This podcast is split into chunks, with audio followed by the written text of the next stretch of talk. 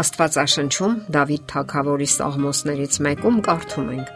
Երբ որ տեսնում եմ քո երկինքը, քո մատների գործը, լուսինն ու աստղերը, որ դու հաստատեցիր, ել ինչ է մարդը, որ դու հիշում ես նրան, եւ մարդու որդին, որ խնամք է ստանում նրա հանդեպ։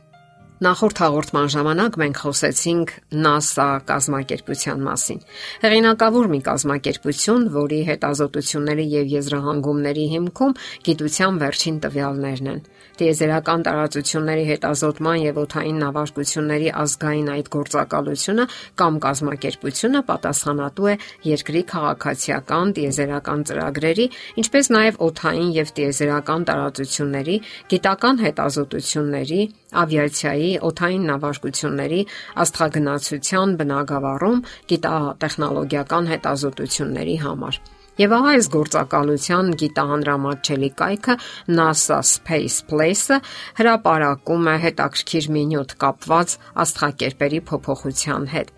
Այն կործանում է աստղագուշակության մեջ ներգրավված բազմաթիվ մարդկանց հույսերն ու սպասումները։ Նրանք համառոտ ներկայացնում են, թե ինչ է աստղակերպը եւ ինչ է աստղակերպային համաստեղությունը։ Հին ժամանակներում աստղագետները լիովին չէին հասկանում, թե ինչպես են շարժվում երկիրը, արեգակն ու աստղերը։ Նրանք չէին հասկանում տիեզերքի ծավալները եւ այնուամենայնիվ չէին դադարեցնում իրենց որոնումները, հասկանալու եւ գտնելու այն օրինաչափությունները, որ գոյություն ունեն տիեզերական ներդաշնակության մեջ։ Նրանք համառորեն փորձում էին հասկանալ այն, ինչ տեղի է ունենում աստղային երկնքում։ Շնորհիվ մարդկային հարուստ երևակայության ծնվեց աստղագուշակություն երևույթը որը բավականին սահուն կերպով ներգրավվեց բազմաթիվ կրոնական հավատալիքների մեջ։ Մարդիկ երևակայում էին, որ համաստեղությունները կարող են կարևոր խորհրդանիշեր լինել, իրենց աստվածների մասին պատմություններ պատմել, ինչպես նաև տեսանելի պատկերներ ծառայել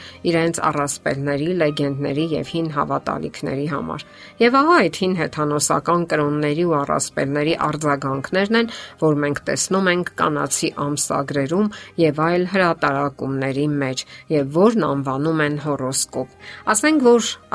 աստղակերպ եւ աստղակերպային համաստեղություն պատկերացումը առաջին անգամ ներմուծել են Բաբելոնում 3000 տարի առաջ եւ աստիճանաբար նա նորանոր տեսք է ընդունում։ Նրա հետ շատ բան են կապում այսօր։ Օրինակ մարդկային ճակատագրերը, բնավորությունը, ճակատագրի անխուսափելիությունը եւ այլն։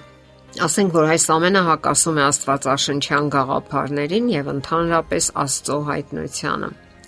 Սակայն այսօր մարդկային մի հսկա զանգված լայնորեն ներգրավված է այդ երևույթի մեջ եւ լրջորեն հավատում է դրան։ Օրինակ, Մեծ Բրիտանիայի բնակչության 21%-ը կարդում է հորոսկոպները կամ հաճախ կամ շատ հաճախ, իսկ 25%-ն այն կարծիքին է, որ աստղագուշակությունը խիստ գիտական երևույթ է։ Զարմանալի է, սակայն նույնիսկ գիտական ամսագրերում երբեմն հրապարակվում են այսպես կոչված գիտական աշխատություններ նվիրված աստղագուշակությանը։ Ուշագրավ է, որ տիեզերական անընդգրկելի տարածությունները ցնցում են մարդկային բանականությունը։ Տիեզերական անսահմանությունը դյութում է եւ գրավում մարդկային միտքը։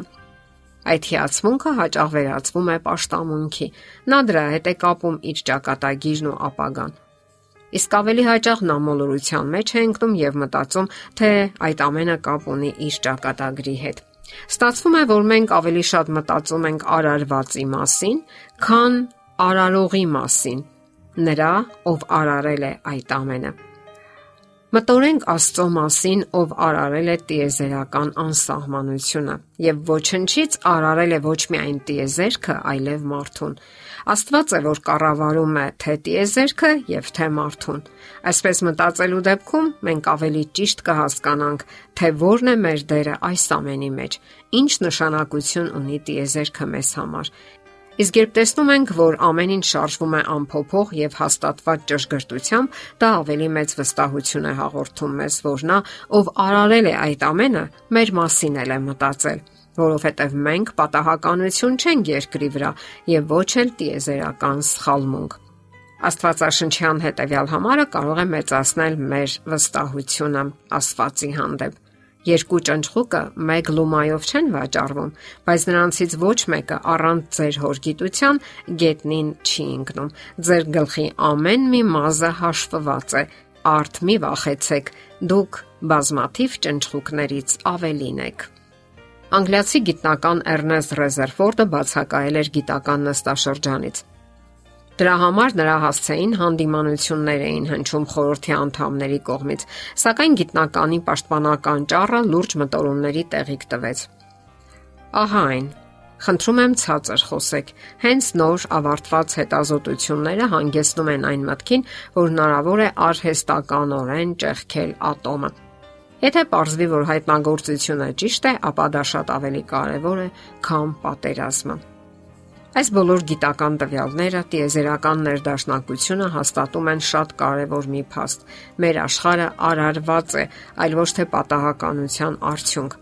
Այսպիսի ներդաշնակություն եւ համաչափություն հստակ ծրագրավորում հենց այնպես պատահականորեն անհնար է անգամ երևակայել։ Մեզ մնում է միայն թափանցել այն արարողի ծրագրերի ու մեծ կամքի մեջ, տեսնել մեր դերն ու կանչվածությունը այնտեղ եւ իհարկե լինել այդ ծրագրերի մասնակիցը, ինչն էլ մեզ առաջարկվում է։ Եթերում է ղողանջ հավերժության հաղորդաշարը։ Հարցերի եւ առաջարկությունների համար զանգահարել 033 87 87 87 հեռախոսահամարով։